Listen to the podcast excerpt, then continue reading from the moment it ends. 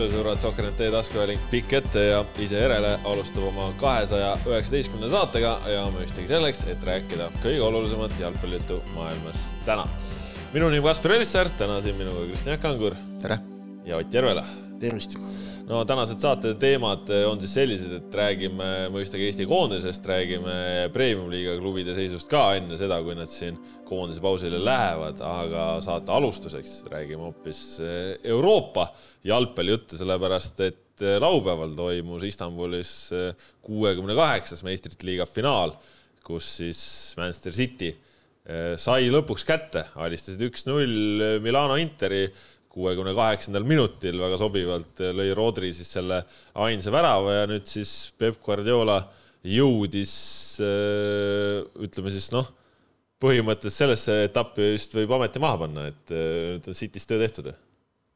eesmärgid on saavutatud, noh, need, need ütleme, see eesmärkide komplekt, mille jaoks ta sinna esmalt toodi, kui nüüd võtta tiitlite mõttes, aga ma arvan, et eesmärgid laiemas tähenduses ei ole veel saavutatud. Äh, laiemas tähenduses on ju eesmärk ikkagi kehtestada ka Euroopa tippjalgpallis Manchester City ajastu, mida nad Inglismaal on teinud.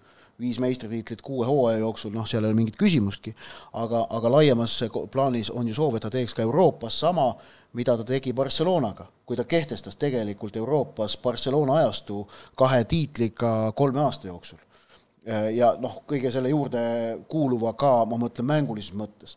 et, et äh, ma usun, et tema töö City's äh, jätkub ja, ja siin huvitav on juba see, et esimesed asjad, mis on välja toodud nüüd, et, et, et, et, et Man City põhikoosseisus noori mängijaid on üks, see on Erling Haaland. et ülejäänud mehed on ikkagi kahekümnendate juba teises pooles, nii et mingil hetkel peab hakkama ka Guardiola seda meeskonda äh, uuesti lahti võtma ja kokku panema ja kui ta seda tegema hakkab mingil hetkel, siis on huvitav näha, et kas äh, võib juhtuda sama asi, mis, mis juhtus äh, Liverpooli ja Jürgen Kloppiga. et noh, kes jäi võistkonna värskendamisega hiljaks, on ju. et seal tuleb meeles pidada, et Inglismaal see konkurents tipus on armutu, et, et seal annad natukene tagasi ja, ja oled kohe omadega raskustes. et, et, et, et noh, see ühesõnaga selline kuidas öelda, paberi peal eesmärk on täidetud, aga laiema tähendusega eesmärk ootab veel täitmist. no samas selle noorendamisega nüüd ka ilmatuma kiire ei ole, sest ikkagi ju vanamees, ikka kolmkümmend pluss vendasid nüüd liiga palju seal City eh, koosseisus ei ole ja kui me mõtleme eh, Real Madridi kasvõi keskvälja triot, mis noh, mängis aastast aastasse. vaata, palju seal noori kõrval on. teine asi on küsimus see, et, et väidetavalt ka Man Cityst on mõned mehed praegu kaaluvad lahkumist, et noh, Gündoganist räägitakse Barca suunas, Bernardo Silvast vist räägitakse, et äkki tahab ja. minna kuskile, noh, De Bruyne osas on, on küsimused üleval nüüd tema ikkagi vigastuste osas, et noh, et äh, kui nüüd tuli välja, et ta oli kaks kuud mänginud äh, reielihase rebendiga äh, või, või sellise noh, väikese rebendiga, mis seal nüüd meistrite liiga finaalis täitsa pooleks läks, on ju, esiteks see on muidugi no täiesti, täiesti ebareaalne on seda kuulata, aga, aga noh, De Brünel on nagu vigastustega olnud ikkagi karjääri jooksul keskmisest, ma ütleksin, natukene rohkem probleeme ja tema roll selles meeskonnas on väga tähtis. et, et noh, võtad ära sealt Kündagani Silva, De Brüne ja sul on vaja uut keskvälja. Mm ega see jah nii lihtne ei ole nagu ka, et nüüd asendan ühe hea mängija teisega, City jaoks need võimalused on, on tõesti sellised, et noh, tahame kedagi, võtame kellegi. Aga, aga jah, see, ma, arvan, et võib-olla see, see vanuse teema, noh, vanad mehed tõesti nagu ei ole, et, et üle kolmekümne ei ole ätt, ma tuletan meelde igaks juhuks, aga aga kui mõelda seda, just nagu uurisin ja lugesin siin ise, ise nagu ka natukene Guardiola tausta veel, et mis ta teinud on, sest noh, seda on nüüd avatud väga palju erinevates artiklites.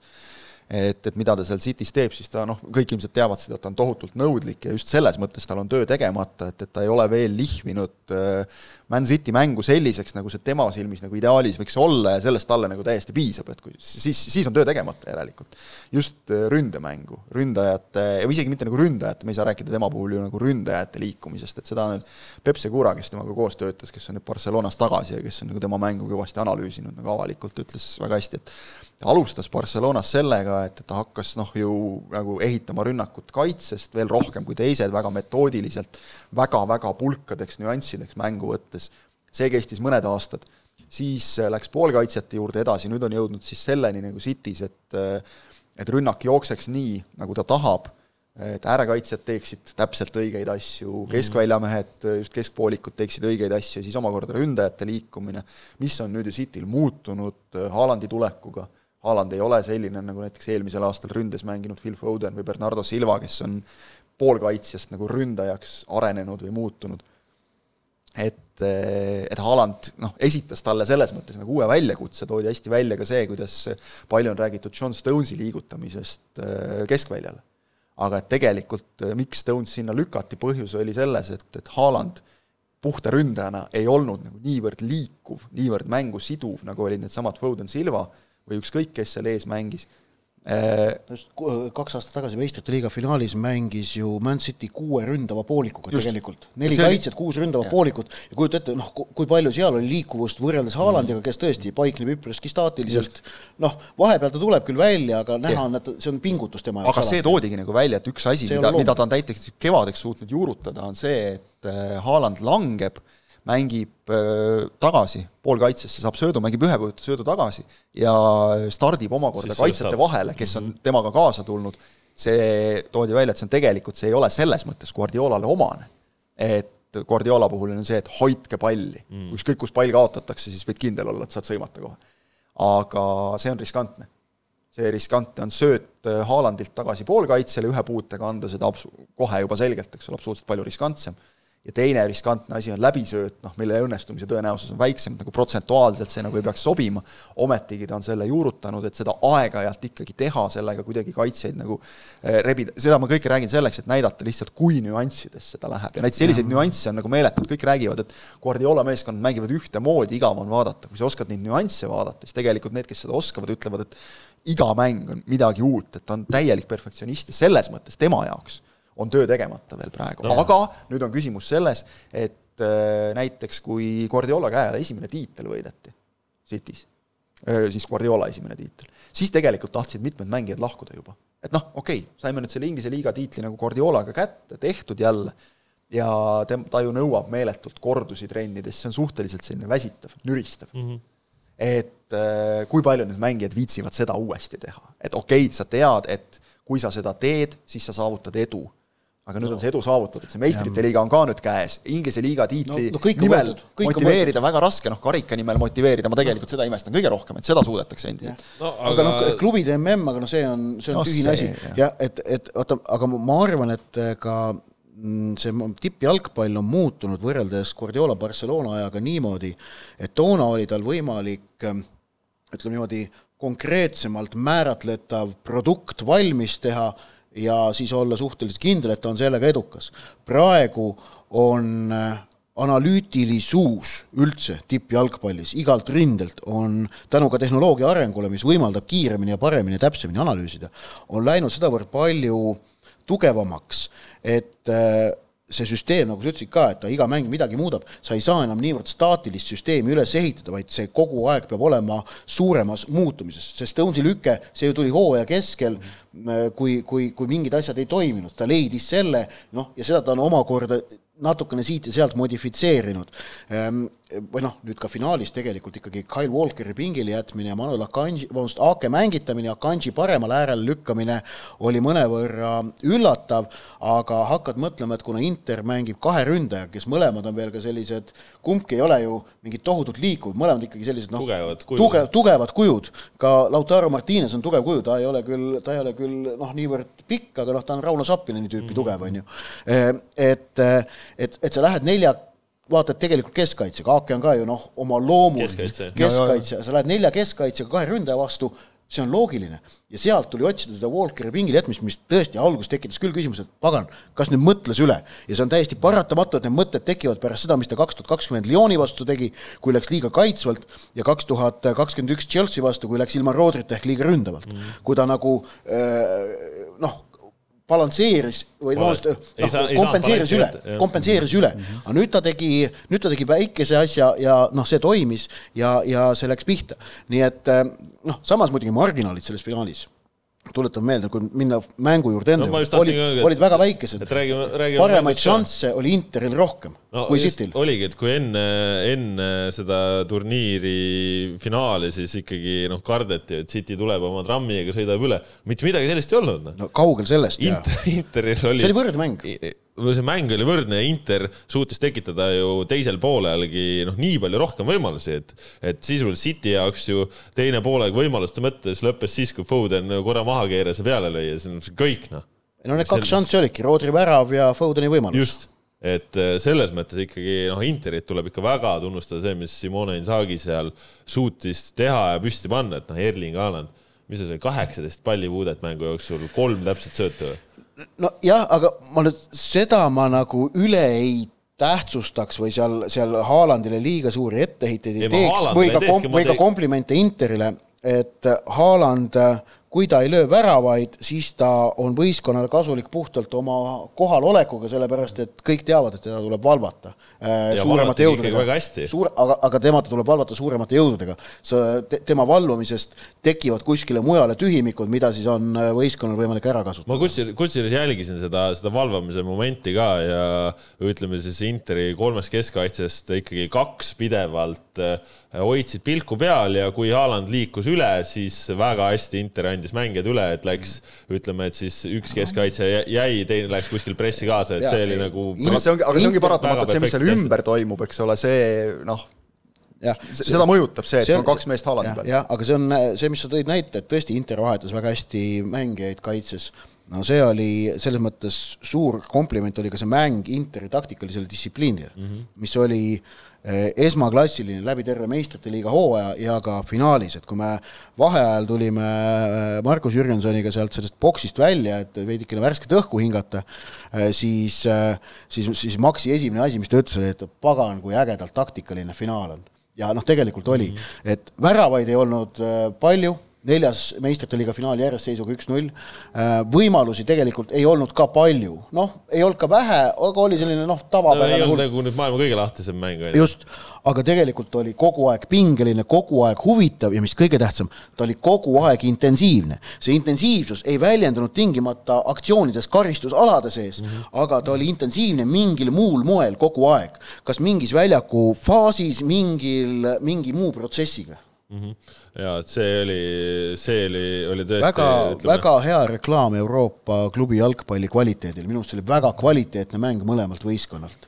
aga nüüd oleme jõudnud siis sellesse etappi, et Itaalia klubid kõik kolm oma eurosarja finaali kaotasid, seda ei ole no. ka juhtunud enne, aga muidugi. Aga jõudsid sinna. olukord on ka see jah, et ega see noh, ma arvan, siin ei tasu nagu mingisugust eh, jõhkrat seaduspäraga nagu otsida, et noh, läks nii, onju, oleks võinud minna ka ju eh, teisiti, et no West Ham lõi seal konverentsi liiga finaalis ka ju viimasel hetkel ja, ja noh. no ma ütleks, et seal nagu noh, kui, kui peab valima, siis pigem oli Fiorentina nagu parem meeskond. No ja- Neid, ma- neid vedas alt jällegi löögitäpsus, nad lõid nagu kordades rohkem peale, olid aktiivsemad, mingites olukordades suutsid oma mängu peale suruda, aga West Ham realiseeris paremini ja noh, nagu nägime meistrite liiga finaalist, siis see loeb tegelikult. minu meelest West Ham oli, West Ham mängis suurema tähelepanuga seda mängu, seda finaali. Ka võib öelda, et okei. tähelepanelikkus okay. kõikvõimalikes olukordades oli West Hamil oli kraadi võrra parem ja ma arvan, sellega nad selle finaali seal Prahas ära otsustasid. jah, Fiorentinal oli võib-olla jah, see natukene, et et nad said selles mängus nagu väga õigel hetkel initsiatiivi kätte, kui nad vastasid esimesele väravale üsna kiiresti ja siis oleks pidanud nagu veel rohkem pedaali põhja suruma ja see jäi neil tegemata. ja noh, ei maksa siin muidugi alahinnata ka seda, et, et West Ham mängis noh, peaaegu nagu kodupubliku ees. et, et seal ikkagi inglasi oli, oli nagu meeletult palju, et noh, jah, okei okay,, said sigadustega ka hakkama jumal paraku jälle, aga aga noh, lõpuks õnneks see nagu seda konverentsi liiga finaali nagu väga ei, ei, ei mõjutanud. kusjuures see oli see, et, et mis oli Inglismaa meediakajastus siis, et pärast seda, kui nende äh, klubi ja mitte fännid, vaid huligaanid olid äh, visanud Fiorentina mängijal äh, ku- kupu kupu, kupu veriseks, siis äh, Inglismaa meediakajastus oli fookus number üks oli, et West Hami fänne Praha kesklinnas rünnati mm. -hmm. no mis, mis vastas küll tõele jah ja., aga noh ütleme- fookus täiesti paigast, eks ole. skandaal number üks on see, kui sa ise staadionil oled huligaan mängija suhtes. et, et noh, see ja, ja, ja teine asi, noh, et inglased ka, et käige põrgu oma kuradi oma kiunumisega, et, et Istanbulis, et ei saanud pärast finaali, me ei saanud piisavalt kiiresti hotelli, et jõudsime öösel kell kolm hotelli. see on normaalne, kui sa öösel kell kolm hotelli jõuad pärast finaalmängu, mis lõpeb südaöösel ja, ja, ja kritiseeriti seda, et, et oli, oli, oli hiline algusaeg, et noh, Istanbulis oli ka kell kümme, et mäng algas kell kümme, et noh, et noh, näiteks ütleme, Portugalis oleks sama kellaajal mäng alanud kaheksa, Londonis kell üheksa, on ju, noh, mhm. Londonis ka kell kaheksa, jah, sest noh, ajavahe on ju. Et, et noh, kogu aeg on vaja midagi kiunuda, mida kuradit teil Wembley'l toimus kaks tuhat kakskümmend üks, teil on meeles või? keegi ei jooksnud, keegi ei jooksnud läbi piirdeaedade staadionile nagu ja ei kakelnud, eks, jah, just, eks. ja, ja keegi ei visanud mängu ajal vastase kaptenile nagu mingite asjadega vastu pead, eks ole, et, et see nagu, mille üle te nurisete? jah, see selleks. aga, aga nüüd, kuna konverentsiliiga finaal mõjutab ka seda, ütleme, üldist Euroopa klubi jalgpallipilti ja neid punkte, siis ma natukene vaatasin seda olukorda, mis valitseb hetkel selles kuulsas UEFA koefitsiendi tabelis Äh, kus siis äh, äh, mida noh, mida meie jälgime Eestist alati seoses sellega, et mis meil eurosarjades olukord on, aga, aga seis on nüüd selline, et, et Itaalia, kes kõik kolm eurosarja finaali küll kaotas, tegi oma mõistes väga hea eurohooaja mm., aga tänu meistrite liiga finaali tulemusele nad jäid ikkagi sel eurohooajal nii-öelda punktide teenitud lõikes teiseks.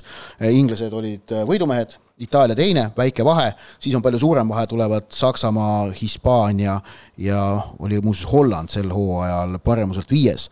ei, sorry, Belgia oli viies, Holland kuues, aga, aga üldine tabeliseis on säärane, et Inglismaa võitis siis selle, ütleme, hooajasisese punkti arvestuse neljandat korda viie hooaja jooksul ainult ähm, kaks tuhat kakskümmend kevadel oli, oli seis selline, et Hispaania võitis, Saksamaa teine, Inglismaa kolmas, aga toona nad olid kõik null koma nelja punkti sees jällegi, ehk noh, mm. tegelikult pundis koos, koos.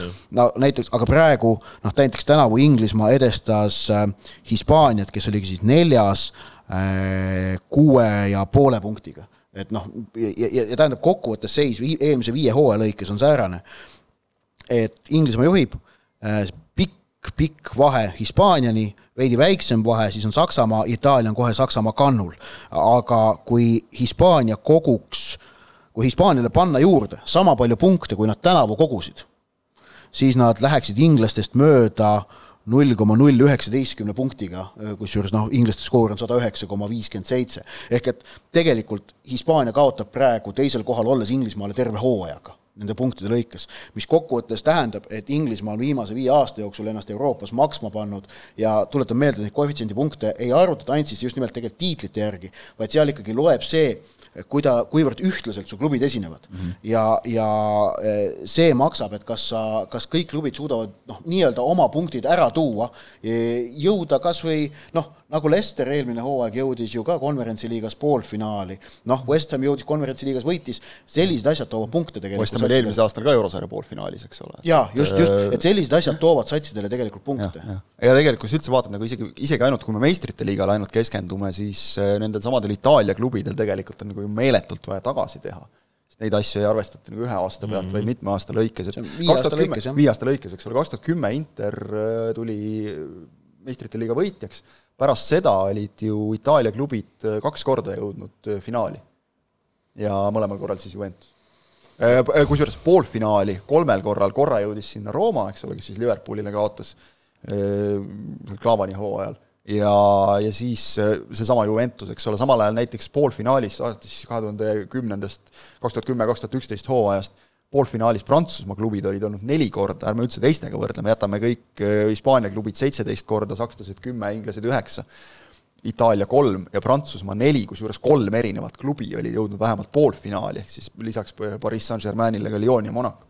ehk et äh, noh, ütleme siis laias laastus viimase kümne või tosina aasta lõikes tegelikult Itaalia klubi jalgpall nagu kõige teravamas tipus pole üldse olnud, see hakkas tegelikult, see joon tuleb vahele juba veerandfinaalidest, kus nad jäid ka juba selle, selles äh, ajavahemikus prantslastele alla ehk et äh, noh, see, see on, ma, ma ikkagi nimetaksin seda suureks tagasitulekuks, mis siis, et golffinaali kaotati ja mm, -hmm. ja noh, tegelikult hea meel on neid näha seal, sellepärast et igavaks läheb muidu, kui meil olid siin ka ju inglaste omavahelised finaalid, ükskõik milliste klubide, riikide omavahelised finaalid on nürid, sest need klubid on vähemalt kaks korda ja tihtipeale ka veel rohkem mingites karikasarjades omavahel sel hooajal juba mänginud. ja, ja, ja samal, samal ajal ei saa ära unustada ju ka seda, et hispaanlased on siis, kas nüüd siis äh, üheksateist ja kakskümmend finaali järjest võitnud muude riikide klubide vastu, aga, aga nendel see ühtlane esinemine on see, mis valmistab mm -hmm. selgelt probleeme praegu.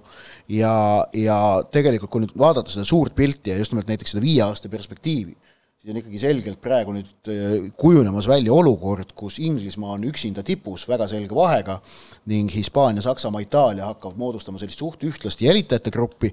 kui mingil hetkel tundus, et Prantsusmaa võib-olla on sinna lülitumas, siis jällegi prantslastelt nüüd jällegi üks kehv eurohooaeg, üle, üle-eelmine oli neil hea, aga nüüd oli kehv ja, ja pigem nad ikkagi jäävad seal Hollandi, Portugali, Belgiaga madistama, noh, Belgia veel pole sinna juurde jõudnud.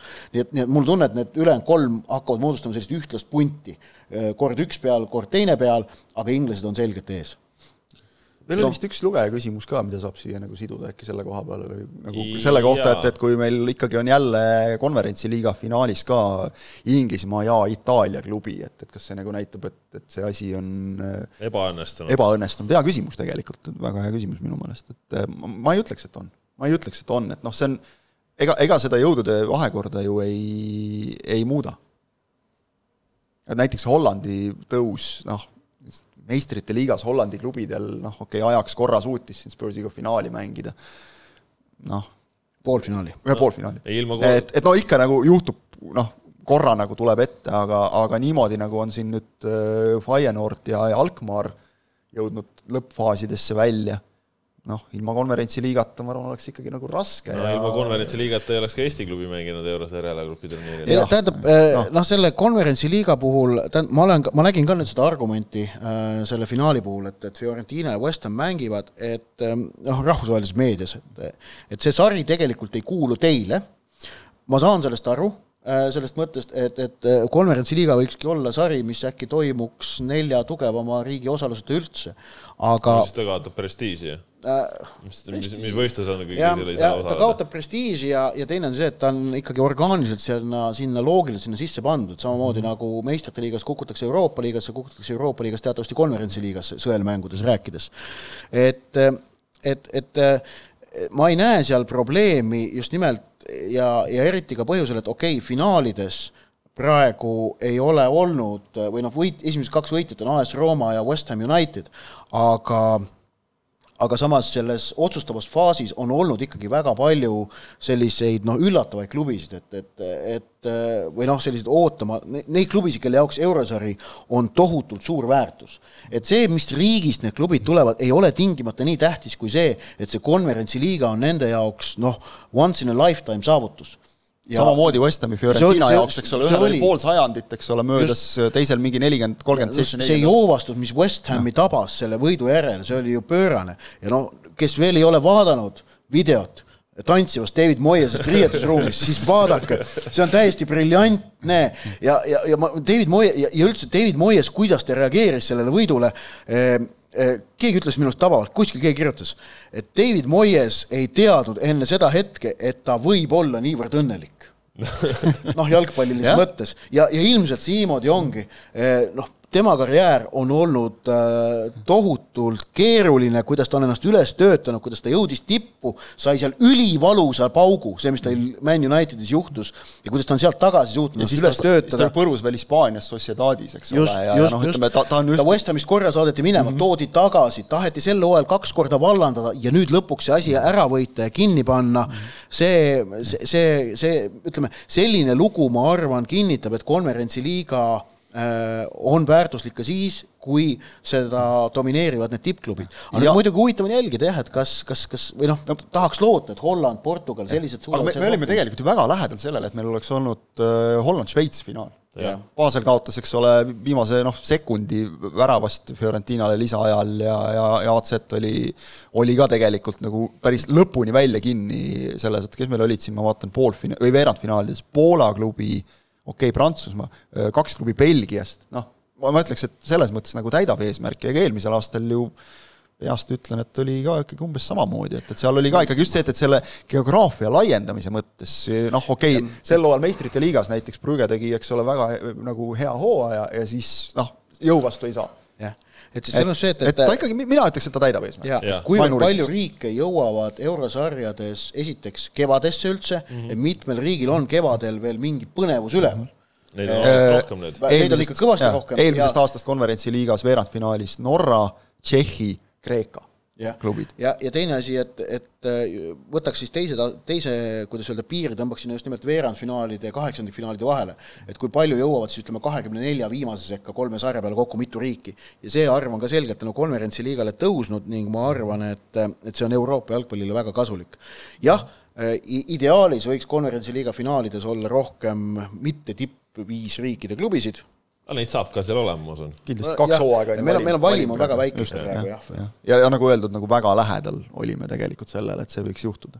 ja no siit sellele suurele äh, eurosarjade jutule on äh, paslik tõmmata joon alla siis sellise teatega, et meil siin keset salvestust äh, taheti tuua Zephyri torti. Ehk siis Siim Juks, vana Manchester City fänn, palju õnne talle siis selle suure sündmuse puhul soovis praegu läheneda meile Zephyri tordiga, aga no eks siis saame pärast salvestust selle vastu võtta, et. täname, Siim, täname ja. palju õnne, Siim, palju õnne, Siim, aga. tõesti ja Siim Juks siis jah, juba ju olnud, ma ei tea, mis ajast.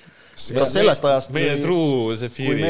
ei no seda niikuinii, aga truu, truu Man City toetaja ka, et meie, meie see, kuidas see öeldakse selle kohta, meie Zephyri partner yeah. ma aga, aga endiselt rõhutan, et ma ikkagi, ma ei saa aru, miks Zephyri tort maiustusena on niivõrd alahinnatud, et miks, miks, sellest, miks sellest äh, räägitakse sellise mingisuguse nagu eksootilisest asjast, tegemist on normaalse laupäevase tordiga. No,. aga, aga, aga jah, et, et noh, neid ikkagi on, nagu on ka, kes on nagu, et neile nagu palju õnne, kes on Cityt toetanud sellest ajast, kui, kes see oli, Killingham oli vist see meeskond, kellega nad mängisid ju nii, nii et päästsid viimasel sekundil põhimõtteliselt jäämise siis esiliigasse, oli nii, eks? no League One'is käisid ka ära. ei no League One'is on ka ära käinud jaa, ja, ja, ja tegelikult kui nagu võtta nagu jalgpalliliselt, siis üldse mitte nii ammu. et aga noh, jah, praegu räägitakse, et ajalugu ei ole, aga kui Guardiola seda kirjutab ja minu jaoks on nüüd huvitav, et, et Guardiola leping kehtib, kui see Guardiola teema lõpetuseks kokku võtta, kaks aastat. mis ta edasi teeb? sest et ta lahkus äh, Bayerni, Barcelonast ka tegelikult ja Bayernist ta lahkus siis, kui tal tekkis see tunne, et äh, klubi ei suuda talle anda enam vajalikke ressursse, et ta saaks teha täpselt seda, mida tema tahab teha. no edasi kuskile klubisse minna ei ole, kui sa Hispaanias olid Barcelonas, noh, Realis ei lähe ja mujal ei ole nagu midagi teha, Atletico ei suuda võistelda sellega, see on selge täiesti. Äh, Itaalias noh, me teame klubide rahalist seisu, nagu ma ei, ma ei näe nagu, et ükski klubi teda seal võtta saaks, kui just mingisugune oligarh ära joosta, eks ole. Äh, noh, Pariis Saint-Germain nagu noh, farmerite no, liiga, eks ole. üks koht on. ja, ja Inglismaal, no vot, ja ma arvan, Inglismaal ta mujale ei lähe nagu et, et, et on öeldud, et vähemalt nagu, kes nagu teda täpsemalt teavad, Jembo Laag näiteks, kes on, eks ole, Hispaania-Inglismaa jalgpallis noh, vist kursis nii palju, kui saab olla üks inimene ja Guardiolast ka siin vist raamatut kirjutab, kui ma ei eksi, ingliskeelset esimest biograafiat, teised on olnud teistes keeltes seni. et, et ütles ka, et noh, nagu lähiringkond ütleb, et ta lõpetab City's ära ja praegu nagu sobitub see ka ilusti mustrisse, et selle kahe aastaga ta peaks selle ründemängu ka ideaalseks saama, siis pole enam kuskile edasi minna, kõik no, football completed. kuhu minna on edasi, on ja koondise jalgpall. just, ja siis koondise jalgpall, aga koondise puhul nüüd teha sellist tööd, nagu ta on praegu teinud, niimoodi päevast päeva neid mehi no, nuutida. saame näha ei, ma ütlen, et, et see, selles mõttes on nagu huvitav, et kui sa oled nii edukas ja ta on viiekümne kahe aastane praegu, aga me räägime sellest, et kahe aasta pärast nagu noh no,, kuhu sa lähed? no Zidane, Zidane võttis ka oma kolm meistrite liigat ära ja naudib noh, võtab ühel hetkel koondise ja nii ta läheb noh. ei, aga lihtsalt see on nagu see, et, et vahel saab olla ka liiga edukas jah, saab küll. ja City puhul ka, et kuhu, kuhu sa nüüd lähed edasi?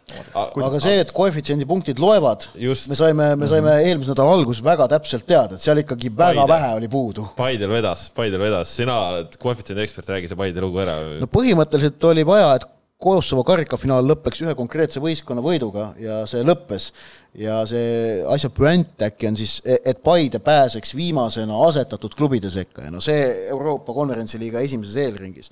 ja no see, kas sa oled asetatud või mitte, seal on ikkagi tohutu vahe ehm, tagatud ei ole midagi, sa võid ikkagi saada noh, päris tugeva vastase, selgelt endast tugevama vastase, aga on oluliselt suurem šanss saada endale vastu noh, San Marino, Gibraltar, midagi sellist, kelle vastu, oleme ausad, šansid on oluliselt suuremad kui, kui mingisuguse Norra või Rootsi klubi vastu. mitte küll ütleme, et favoriit. ei, ma ütlesin, et mitte tagatud, aga, aga šansid on väga palju suuremad, just.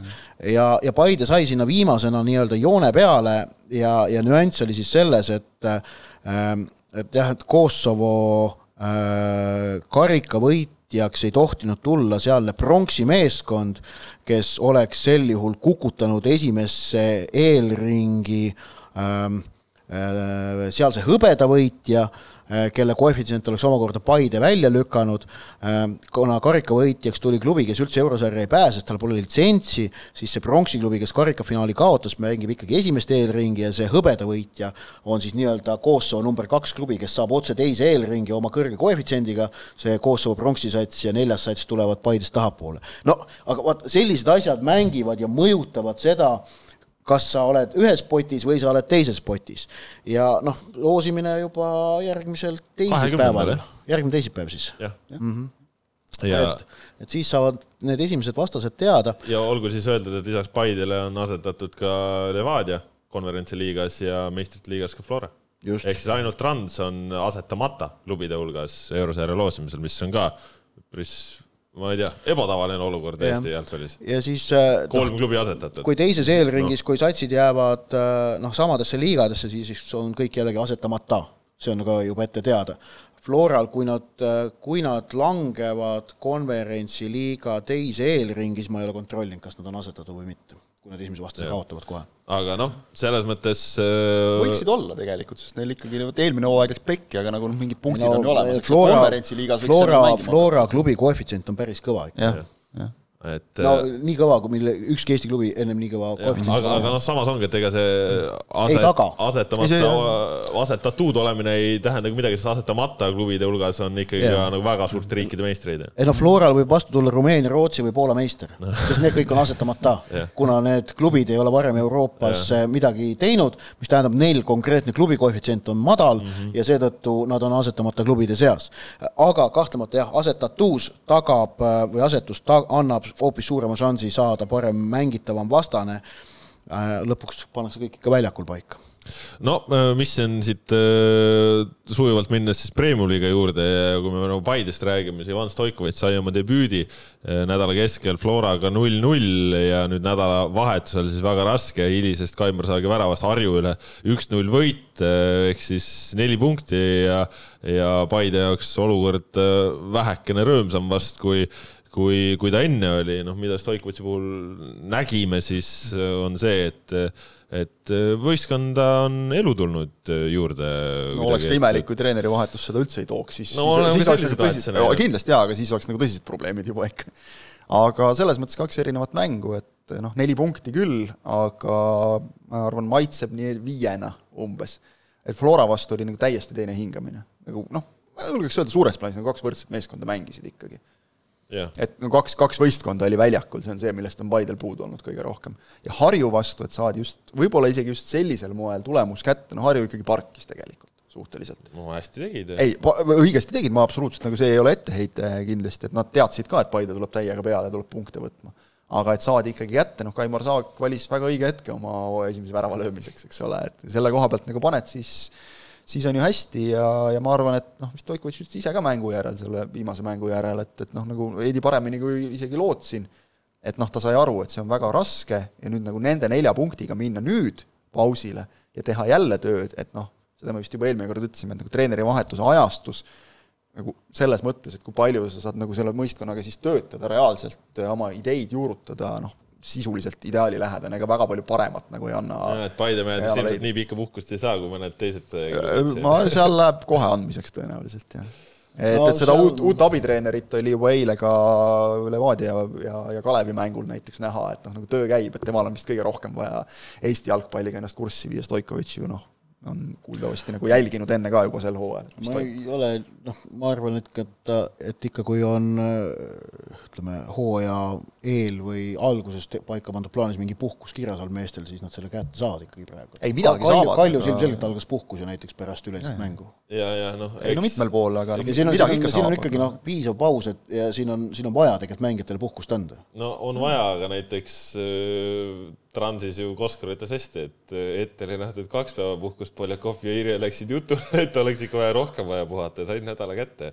Ja olen kuulnud ka mõnes teises klubis, et on olnud samamoodi, et liidrid on käinud rääkimas, et äkki ikka puhkus võiks mõned päevad pikem olla ja on saadud, noh.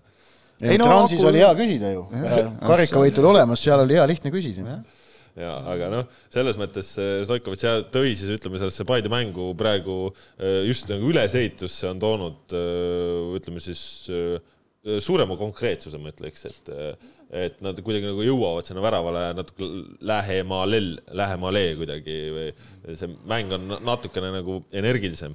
ei no vaatad nagu mehi, siis noh, mängida osatakse ju, et. jah. aga noh. energia tuli tagasi saada kuidagi aga noh, tegelikult siin nädalavahetusel tippmänge oli teisigi, et eh, noh, Paide saab siin nüüd ennast natukene veel käima lükata, et eh, eurosarja nii on siis kuu aega aega.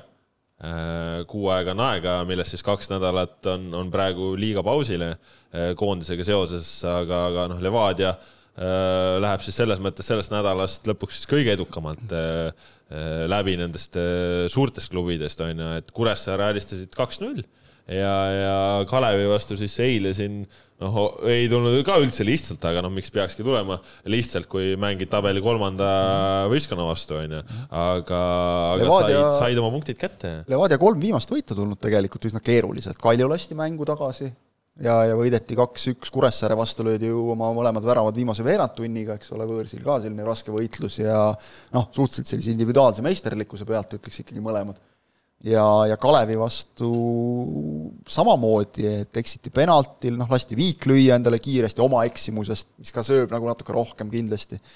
Teist poolega kontrolliti, eksiti penalti, noh, tegelikult jälle pääseti ka, Ott Purje oleks võinud üheksakümnendal minutil ära ka lüüa ja mm. oleks olnud kaks-kaks.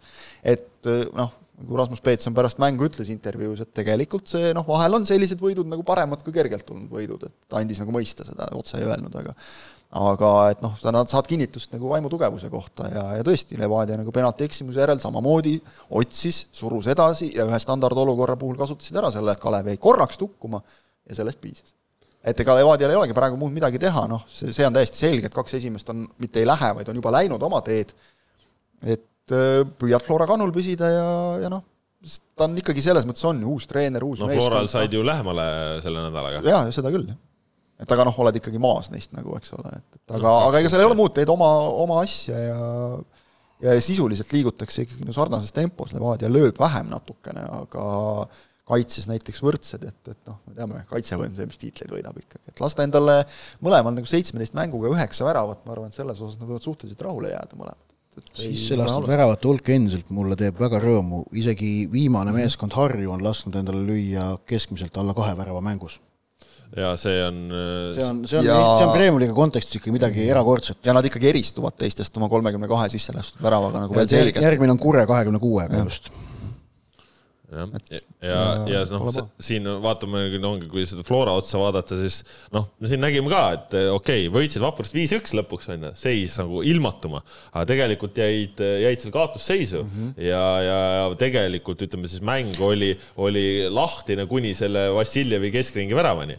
see si ei olnud keskringist ju, pall ei olnud keskringis no,. keskringi juures. okei okay., keskringist see ei olnud, see oli keskringi juurest jah ja. aga jaa, just, et, et, et viis-üks oli küll skoor, aga noh, tegelikult mäng oli kaheksakümne, mis ta oli, kaheksakümne, üheksakümne minutini pingeline yeah.. kaks-üks mäng, ma ütleks tegelikult yeah. nagu mänguliselt suhteliselt, et aga, aga noh, Vaprus ei jõudnud. kaheksakümmend kaheksa oli koostisele jah ja., no just, et, et, et see ikkagi noh, ma tahaks väga loota, et, et, et või noh, tegelikult ma usun küll, et see, ma noh, see, see, see, ei, ja kuidas sõnastada, jaa, ei, see on, see, see pingeliste mängude hulk premium-liigas on ikkagi noh, tohutult tõusnud mm. -hmm. ja ka see statistika, mis äh, välja toodi, et äh, juba praegu on eurosarjades osalevatelt klubidelt võetud rohkem punkte, kui terve eelmise hooaja jooksul võeti kokku, äh, see on väga muljetavaldav mis mulle väga meeldis ja mis jäi silma Äh, kolleeg Siim meil oma kolmapäevases Tartu Tammeka äh, ülevaates Harju vastu kirjeldas ka natukene seda, äh, seda punkti olukorda, mis on meil siis ühtlases liigatabelis ja, ja kui me siis ütleme, et läheme edasi, et klubid teenivad sama palju punkte, kui, kui, kui praegu on teenitud, siis kolmanda koha hinnaks oleks sel hooajal viiskümmend neli punkti viiskümmend neli, mäletame eelmisel aastal Kalju sai kuuskümmend viis punkti ja jäi neljandaks ja, ja üheksanda koha hinnaks koguneks praegust seeriat jätkates kolmkümmend kuus punkti, kolmkümmend kuus punkti. sellega jääb juba. pääseda üleminekumängu teele. eelmisel aastal Leegion siis kakskümmend kaks punkti. sellega saab jääb juba heal hooajal Premier League'is püsima kolmekümne no, kuue. et äh, selles mõttes ikka täiesti täiesti, täiesti meelevaldse võrdluse tõmbasin praegu no,. aga mis minu jaoks on nagu noh, oluline, on see, need summad, et see, siin me näeme, et mis... sel aastal on kõik ikka väga aga no jälle, eelmise nädala skoorid kaks-null, kaks-üks, üks-null, kaks-null, siis see viis-üks, kus okei okay, no., aga sealt tuli värav, kolm-üks värav tuli kaheksakümmend kaheksa, null-null, kaks-null, üks-null, üks-null, kaks-null mis minu jaoks on nagu oluline, et me võime praegu vaadata, noh, kohe on hakatud rääkima nii, Kalev Vaprus, eks ole, viik ja kolm kaotust mõlemal, et, et noh, nüüd on hoog maas. Mis on oluline, on see, et okei okay,, tulemused praegu tulemusteks, vaatame ka, kellega on mängitud, okei okay,, Vaprus kaotas Laag-, Harjule, eks ole, noh, seda me tahamegi nagu näha ju.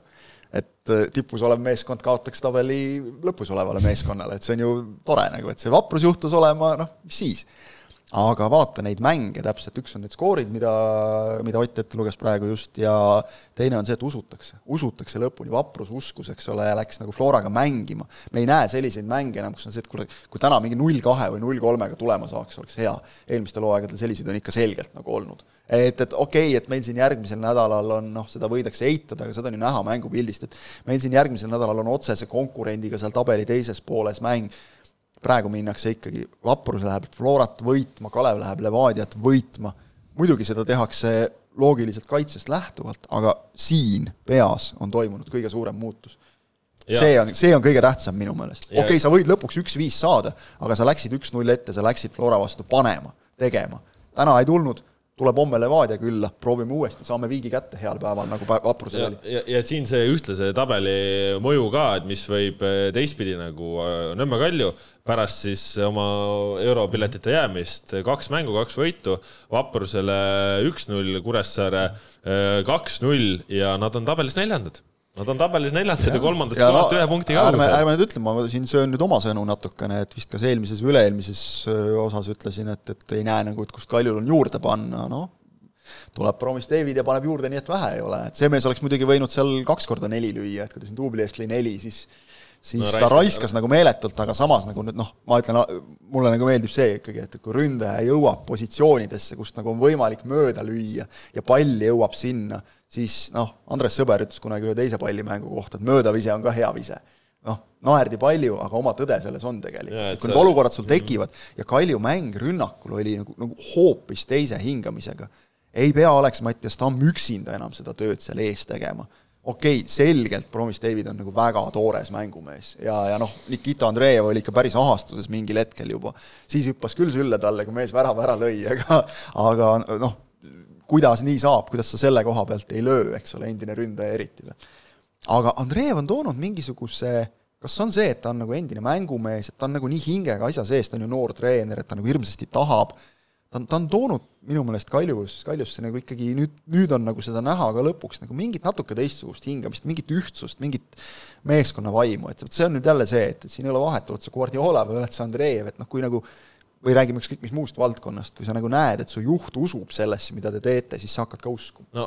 see on minu meelest Andreevil, mulle tundub, et see on Andreevil olemas, et ta tõesti nagu väga tahab mängida ja võita. minu jaoks oli kõnekas see, et kui oluline see, see tegelikult Kalju jaoks oli juba see, kui nad üks-null värava lõid, kuidas nad kogu satsiga mm -hmm. koos tõestid ja siis see kaks-null Henri Järvela ja noh see.... mängujärgne ka ja, ja aga, aga no Järve, Järvelaiu värav ka enda väljakul, noh täitsa, täitsa sürr asi nii kaugelt see asi ära panna, aga ongi see, noh, see tähendas nii palju neile, et seda Kuressaaret võita. Alex Mattias Tamm kukkus, kukkus suurest rõõmust pikali lihtsalt väljakul, kui Järvelaiu pall sisse läks, kergendusest, sest et noh, ta oli täiesti läbi omadega ja meenutame eelmist mängu Vaprusega, kus tegelikult Vaprus surus Kalju viimaseks viieteistkümneks minutiks, no ma ütleks ikkagi suht umbkaitsesse, nagu nad üritasid sealt vasturünnakutega teha midagi, aga neil oli raske. aga nüüd nad pidasid Kuressaare vastu, kelle vastu ei olegi kõige kergem nagu mängida lõpuni, ka sellist suhteliselt füüsilist võitluslikku mängu, nad pidasid vastu, et ma arvan, et see andis neile ka väga palju juurde. Ma vahepeal vaatasin seda tasavägisuse juurde tagasi tulles, vaatasin tulemusi, alates maikuu algusest Premium-liigas, noh, mais mängiti palju, on ju, viis mängu, kus võidumarginaal on olnud kolm väravat või rohkem, neist viiest neli on Flora mingid võidud ja korra võitis Paide Kuret neli-üks, kõik. no mis oli anomaalia. üle, ülejäänud on ühe või kaheväravalised või viigid mm. -hmm. ja noh, see on, see on kõva jalgpall, see on huvitav jalgpall ja see on ka põhjus, miks on selgelt näha, et Premium-liiga on praegu äh, Äh, muutunud ka Eesti spordiajakirjanduses oluliselt äh, rohkem ja põhjalikumalt kajastatavaks teemaks. oleme ausad, kui, kui võtame aja mingi kaks no kaks või kolm, ka-, kahe, üle-eelmine hooaeg lõpus oli põnev, aga ütleme, kolm-neli aastat tagasi, siis sellisel noh, polnud varianti ka, et mõnel sellisel nii-öelda mängul, kus esinelik mängiks kellegi muuga, oleks mõne teise meediaande väljaande ajakirjanik peale meie tööd tegemas. praegu kohtab seda ikka, no mitte sageli, aga noh, kohtab, ikka kohtab, ikka, ikka kohtab päris, päris sageli. Ja, ja teine asi on see, et noh, et tippmängudel on nad alati kohal, et nad noh, see on, nende jaoks on muutunud teiste meediaväljaannete jaoks siis. ja, ja see ei ole nüüd etteheide mitte ühestki otsast muidugi kolleegidele, sellepärast et, et ne, noh, nemad teevad seda, mis tööülesanded on. Ja tööülesandeid meediaväljaandes, kus, kus sa kajastab paljusid spordialasid, paljusid võistlusi, jagatakse konkurentsiolukorras. tähelepanu ja tööaja ja, ja selle ajakirjaniku kohaloleku saavad saavad need võistlused või sündmused, mis on teistega võrreldes tähtsamad, tähtsamad. Ja, ja, ja paistab, et Premium-liiga on ennast selles vallas üha paremini kehtestamas. jah, no me oleme Otiga töötanud ka teistes meediamajades, eks ole, peale Sukkerneti tohutu suure toimetuse ja, ja, ja lihtsalt nagu näed ära, et noh, kodune jalgpall, sellele on võimalik, oli võimalik tähelepanu tõmmata hooaja alguses, kui on intriig üleval, ja siis, kui on hooaja lõpplahendus, juhul kui see on põnev. just praegusel ajal väga keeruline, noh siis tulevad juba euromängud, aga et kui see esimene hoog on nagu eufooria on möödas, aga, aga praegu on näha kolm kuud järjest on hoog olnud. jah, praegu on näha ka nagu, et, et noh, ilmselgelt kui neid asju, neid ei avaldataks, neid ei kirjutataks, neid kokkuvõtteid, ülevaateid, analüüse, kui neid ei loetaks, neid ju loetakse. just, et me oleme lähenemas normaalse jalgpalliriigi staatusele noh, samm-sammu haaval. kultuur on pealkirja said praegu. samm-sammu haaval äh, aga noh, selles mõttes ka üldse ka need marginaalid jällegi. Narva Trans nüüd koos äh, karikavõiduga sekka, neli äh, järjestikust võitu, tabelis kuuendal kohal nüüd eilse võiduga Paidest äh, ees. Ja tuleb küll ja tuli ka nüüd siis olukorras, Terehov. Sai üksinda pingil olla ilma Bondarenkota, ei olnud no, ka mingit vahet, panid, panid kaks-null ära Tartu Tammekale, kes on siis omakorda, et Tartu Tammeka no väga skisofreeniline olukord, viimati kaotasid liigas mai algust enne siis eilset, nad on tabelis üheksandal kohal, noh. aga kui kolmandat ja üheksandat kohta lahutab kaheksa punkti, siis nii ongi, see on vähem kui kolm mängu. siis, siis nii juhtubki, et, et kaks võitu võtad ja, ja hüppad ja saad kaks kaotust ja kukud ka kolinal kuskil. aga, aga noh, Transi jaoks eelkõige oluline ka seda, et noh, tema on ka ikkagi nüüd üks meeskond, kes hakkab Euroopas mängima kuu aja pärast ja, ja noh, on vajalik, et eh, nad just eelkõige eh, vaimu poole pealt eh, saavad ka asjad paremaks ja nad on ka saanud ja, ja noh, väga kihvt asi oli laupäeval Narvas. Raekoja ajas suur lava püsti, tähistati Narva linnapäevasid, Alika Miilova eurolaulik esines enne seda tuuakse lavale Evald Tipneri karikas ja Narva Transi võistkond. väga kihvt, noh väga kihvt, no Koskor ütles ka, et noh, nagu välismaal oleks. see, mis me räägime, noh Narvas nagu ükskõik kus nagu see, see läheb korda. see läheb korda väljaspool Tallinna, Narvale läheb see vägagi korda ja minu meelest on Trans teinud nagu selles suhtes väga head tööd, et nad on ikkagi suutnud nagu kogu aeg rõhutada seda, et Narva Trans, linna esindusvõistkond mm, -hmm. töötab. võtke eeskuju selles mõttes. kui nad saaks nüüd nagu tõesti selles mõttes ka linna mõjutatud, et äh, praegu selles mõttes ka karikavõit, et jälle hea näide, et, et noh, natuke eelmises saates juba rääkisime ka, et karikavõit tuli kasuks, ongi, seda on väga hästi praegu minu meelest Nikolai Burdakov ära kasutanud, et kus vähegi võimalik, seal ta räägib, et vaadake, sõbrad, et hea meelega teeksime, teeksime veel paremini, aga palun tulge vaadake meie Kreenholmi staadionil ringi natukene miks linn ei tee seda, hea küsimus, miks ei tee, miks ei ole omavalitsus nii kaugele jõudnud, eks ole, et see ära renoveerida, et Eesti sa saad praegu suunata suuruselt kolmandas linnas ei ole normaalselt, ütleme no. ka kergejõustikustaadionit. no, no üldse nagu mitte midagi ei ole tegelikult, no. eks ole, see kergejõustiku, ma ütleks, et muru on seal paremas seisus kui see lagunev tartaan, eks ja, ole. see tartaaniks on seda palju nimetada. seda palju nimetada ka jah, seal on mingisugune koht, kus kunagi oli tartaan. punaseks värvitud äh, asi. siin, siin kunagi oli tartaan. jah, ma ei tea isegi, kas ta kunagi on tartaan olnud. no ühesõnaga, noh jah ta on nagu viiskümmend aastat ajas maha jäänud. no aga mõtle, sul Eesti suurest kolmandas linnas sa ei saa isegi kergejõustikku teha nagu. noh, eks. ja, ja siis me räägime siin mingisugustest asjadest, et mingitest noorte tervisest ja rahva tervisest ja kõigest, eks ole, et, et ei saada endiselt nagu aru sellest, et praegu panustad, siis sellest on siin, meil on spordikongressi asju olnud, eks ole, võib-olla Ott mäletab täpsemalt, mis kuskil käidi see vale, valem välja, et kui sa praegu, Sõõrumaa oli see vist, kes seda ka armastab rõhutada, et paned praegu euro, see piltlikult öeldes toob sulle aastate pärast nagu kümme tagasi või hoiad kümme kokku, aga et noh, see ma saan aru, valimislubadusest valimislubaduseni käib elu nagu, eks ole, ja et, et see, see kurb on tegelikult, noh jah, ma ikkagi taristu osas tuleb vaadata väga selgelt ma räägingi. omavalitsuste, mitte riikliku tasandi suunas, see on kohalike omavalitsuste teema ja et jalgpallitaristu kvaliteet on puudulik. ega see käib kohalikus omavalitsuses kahjuks samamoodi nagu täpselt, et ühtedest jah. lubadustest järgmisteni nagu kuidagi, et natuke liiga palju on no, omavahel seotud. loodame, et praegu võib-olla siis tuli ka seda vajalikku tähelepanu, et need asjad äh, paremaks läheksid, sest igatahes tõesti premium-liigas on seis huvitav ja, ja ongi kuu aega siis euromängudeni. kõik, kõik ei saa niimoodi, muide, kui taristust räägime, siis kiitus Velkole, kes nagu Tartus suudetakse need ühisrahastuse asjad nagu kuidagi vedada. aga vot nüüd on hea näide nagu jälle Sepa staadion, mis ühisrahastusega tehti valmis ja sel hooajal sai tast kevadel nagu kehva kunstmuru sünonüüm juba mm., et seda tuleb ka üleval pidada ja seda palju, ei jõua klubid teha lihtsalt. kui palju, kui, kui palju Sepa staadion on oma, noh, Sepa staadion ehitati ju ja rajati ja see projekt koostati jutuga, et see on altküttega, ehk et see võimaldab talvel treenida. kuivõrd palju see altküte selle seitsme aasta jooksul sees on olnud?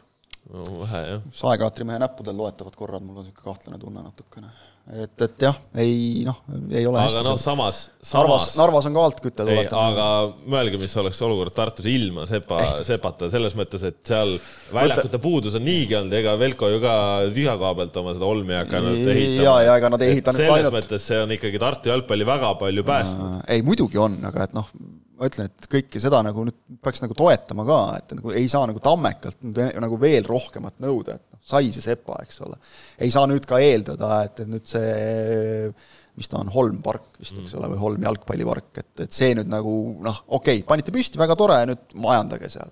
ei, nagu tuge on edasi vaja, eks ole, seda kompleksi saab veel laiendada, et, et see on mm. tehtud mõttega, et seda saaks laiendada. vaatasin just, et nad on isegi tribüüni ehitanud niimoodi, et saaks nagu nii-öelda nagu moodultüüp, et saaks veel pikendada, veel sektoreid juurde, kui vaja. ehk mõeldakse ette, aga nagu kohalik omavalitsus ka nagu kaasa tuleks sellega, et noh, okei okay,, tore, kui linnapea käib kõnet pidamas, eks ole, aga et kas see nüüd ka järgmise linnapea ajal püsib samamoodi, et, et noh. no saame näha. igatahes eh, nii palju siis praegu klubi jalgpalli eh, juttudest ja, nüüd paslik on siin saate viimases segmendis minna siis Eesti koondise juurde, sellepärast et tänasel esmaspäevasel päeval tuleb eh, koondis ka kokku ja ilmselt sellel hetkel, kui te seda saadet kuulate, siis nad on juba, juba koos ka. ja noh ootab siis eh, laupäeval ees võõrsil mäng Aserbaidžaaniga, koht, kus on vaja kindlasti punkte võtta ja, ja mitte ühte punkti, vaid kolme.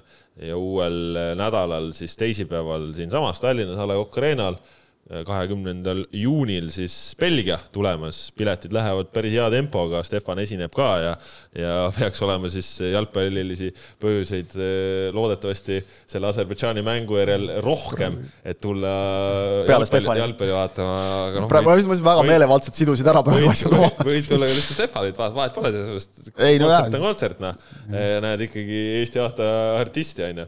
aga, aga noh, mis meil selle puhul siin ikkagi põnevust alati pakub, on, on koondise nimekiri alati ka, et siin väike pilk peale, vigastustega eemaljääjaid on olulisi, eelkõige siis eh, vasakus. jah, aga üllatusi ei olnud, aga üllatusi ei olnud, mitte mingeid no,. Vetkali kuulumine ikkagi nimekirja valikmängu koosseisu pigem ma defineeriks seda üllatusena, et eh, no valikuid no, oli vähe ju natukene, et, et see, ta oli nagu, ütleme, ta on juba olnud seal piiri peal, et, et see, et nüüd nagu keegi on kord siinpool piiri, kord sealpool, see nagu no valikmänguks ikkagi koondise kutse mehele, kes äh, mängib okay. Itaalias noort jalgpalli, noh. olgu, olgu okay,. Okay. on mänginud Eestis meeste jalgpalli, tuletan meelde, et ei ole probleem.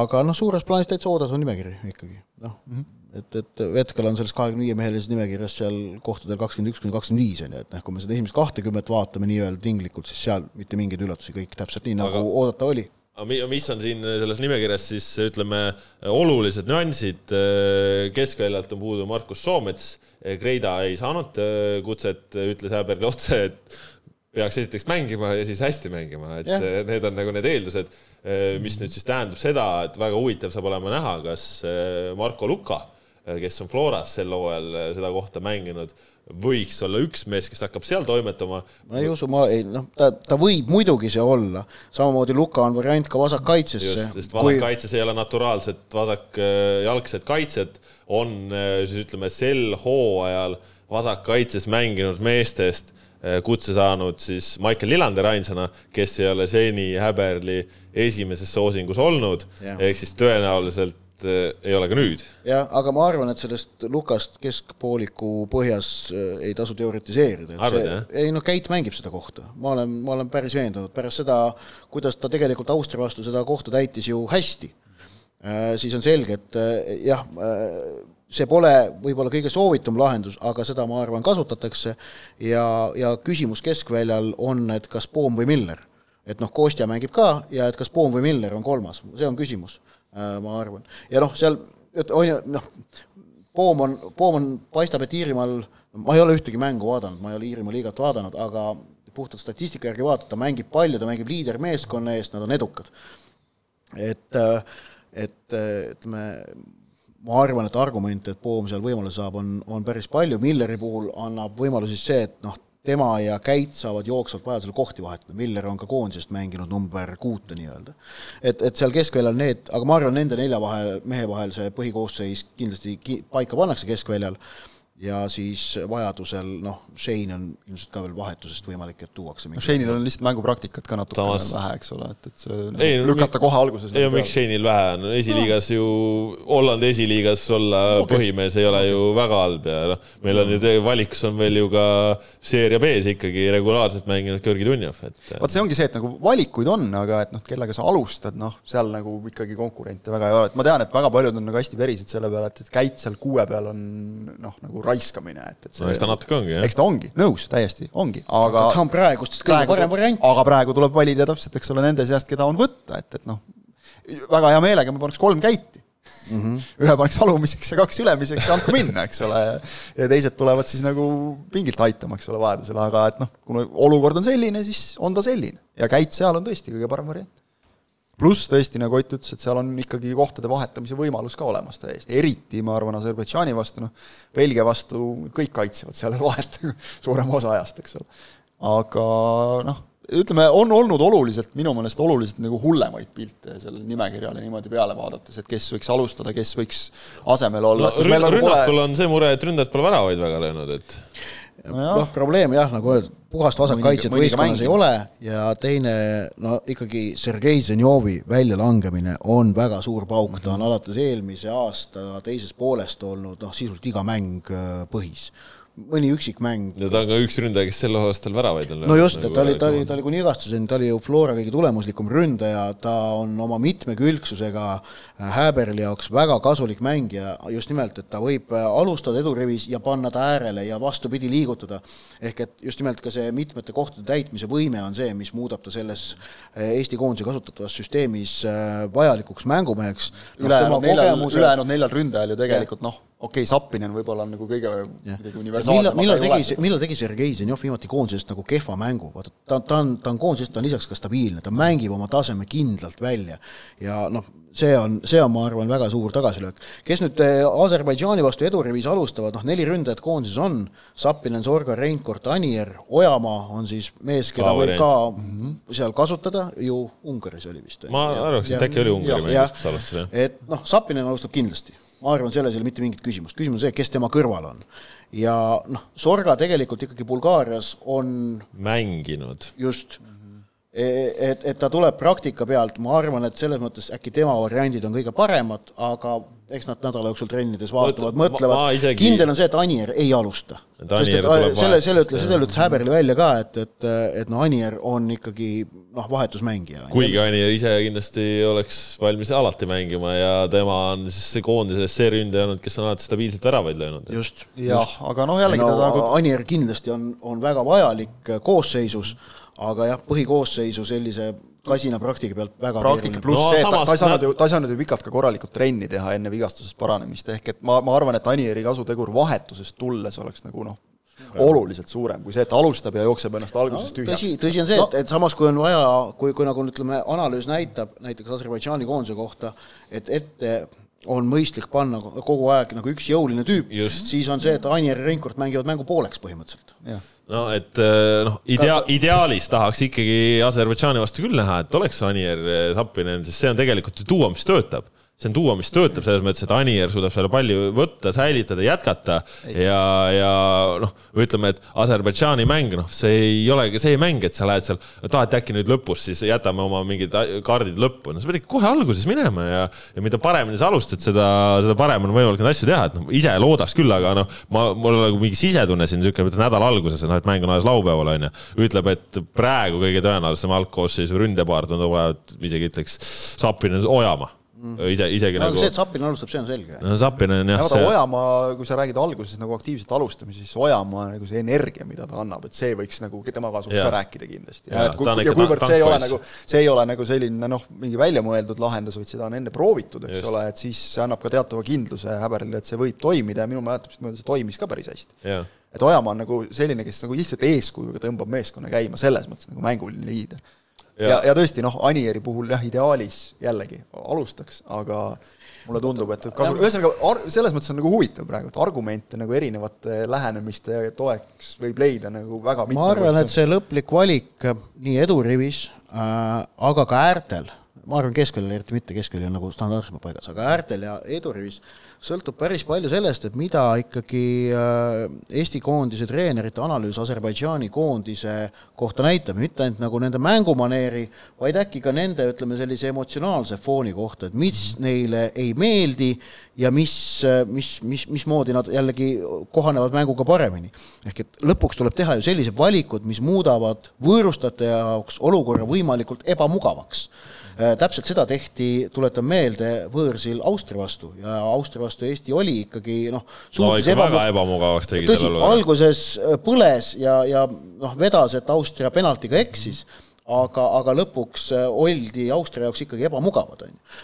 et, et see, see, siin ei, ka Aserbaidžaan ei ole vastane eriti mitte võõrsil, kelle vastu saaks Eesti minna, et me nüüd läheme mängime nii, nagu meie tahame mm. -hmm. tegelikult seda, seda hoiakut ei ole, seal peab vastasega arvestama. San Marino vastu äh, ja Malta vastu me läheme ja mängime nii, nagu tahame, aga Aserbaidžaan ei ole seda, et Eesti on selles alagrupis kõige nõrgema asetusega meeskond, ma mhm. jätkuvalt tuletan meelde. ja ärme unustame seda, et aserid said kahes esimeses mängus Austrialt üks-neli, Rootsilt null-viis, okei okay,, mõlemad võõrsil ja, ja noh, selgelt nagu see ei ole ka võib-olla selline nende võitlus, et, et nende jaoks on see Eesti see, aga et noh, nad lootsid kindlasti palju-palju paremat sellest mängust. et palju nad nüüd sellest nagu, mida nad, mis järeldusi nad on teinud, mida nad on muutnud, sellest ju ka kõik sõltub.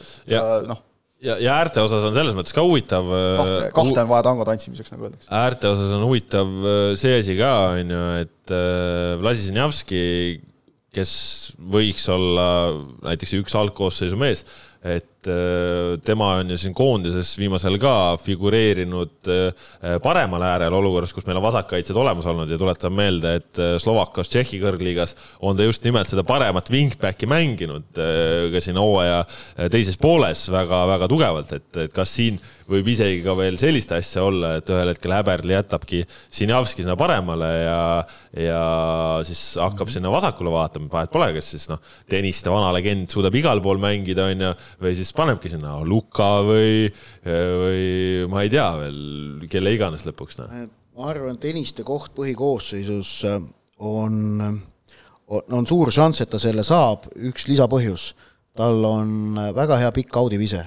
Ja arvestades seda, et meil on ikkagi võimsad õhujõud väljakul olemas, keskkaitsjate Metsa, Tamme, ma eeldan, et Kuusk on kolmas, no ma arvan, praegu oodatav no, Kuusk on mänginud eeldatavasti. oodatav põhikolmik on see, et selle pika Audi äh, ja, ja tennistel on head Audid, oleme ausad, on ju, et, et selle arsenalis hoidmine on äh, sellises mängus väga-väga mõistlik ja, ja noh, see, see, ma arvan, soosib tema põhikoosseisu arvamist.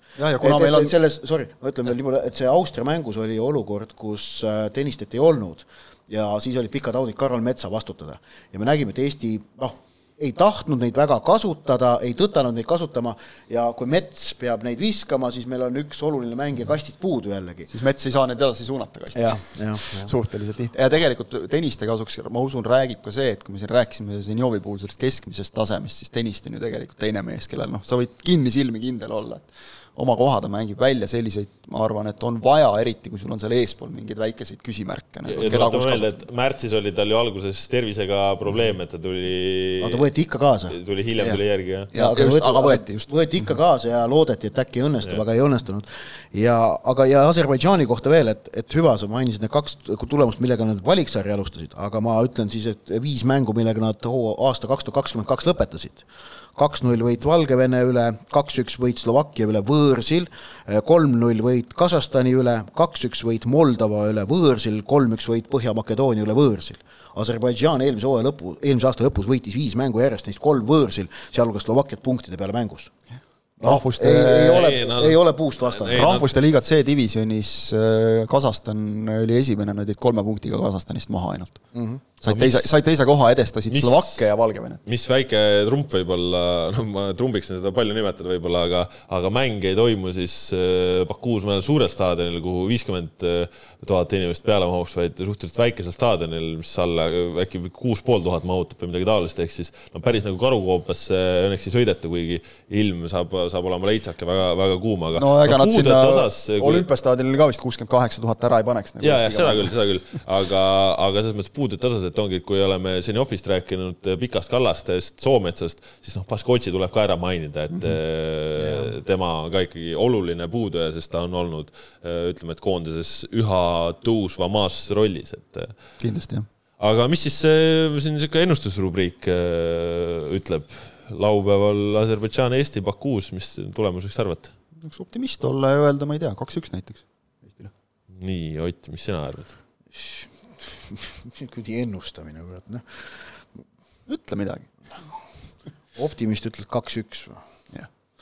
Äh, no ma olen ka optimist, ma ütlen siis üks-null Eestile no ma siis olen kõige suurem optimist, et lihtsalt võita nagu mingisugune saatesisene tiitel, ma ütlen kaks-null Eestile ei no tahaks võitu, noh, siin, ega siin ei olegi teistmoodi ja ma arvan, et kogu see sats on oma suhtumisega ka selline ja, ja tegelikult, kui me mõtleme kasvõi selle märtsi peale, siis on nagu positiivseid asju, mida kaasa võtta küllaga, et äh, tuleb lihtsalt nüüd tulemuseks teha ja, ja noh, me ei saa unustada, et Eesti koondis on rääkinud oma unistustest ja kui sa tahad oma unistusi teostada, siis noh, sa pead võõrsa Aserbaidžaani ära võtma, mis siis, et sa ei ole tegelikult soosik, aga noh, see lihtsalt tuleb võtta ja, ja võtad ära ja siis on jõulu ilus muidu ei ole nagu üldse mõtet minna, jah. jah.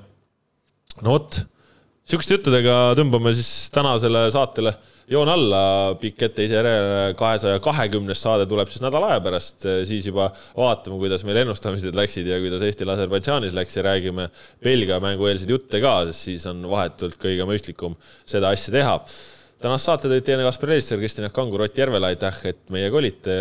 olge ikka Sokkerneti lainel sel nädalal. lugemist eh, tuleb ka koondisrindelt omajagu, nii et eh, kas muud, kui kell veel ei ole, siis võite juba vaikselt eh, Belgia mängu piletit ka ostma hakata, kuniks neid veel saada on ja siis loodame, et koondisaasta esimene kodumäng saab vahva olema, sellest siis uuel nädalal. Adjöö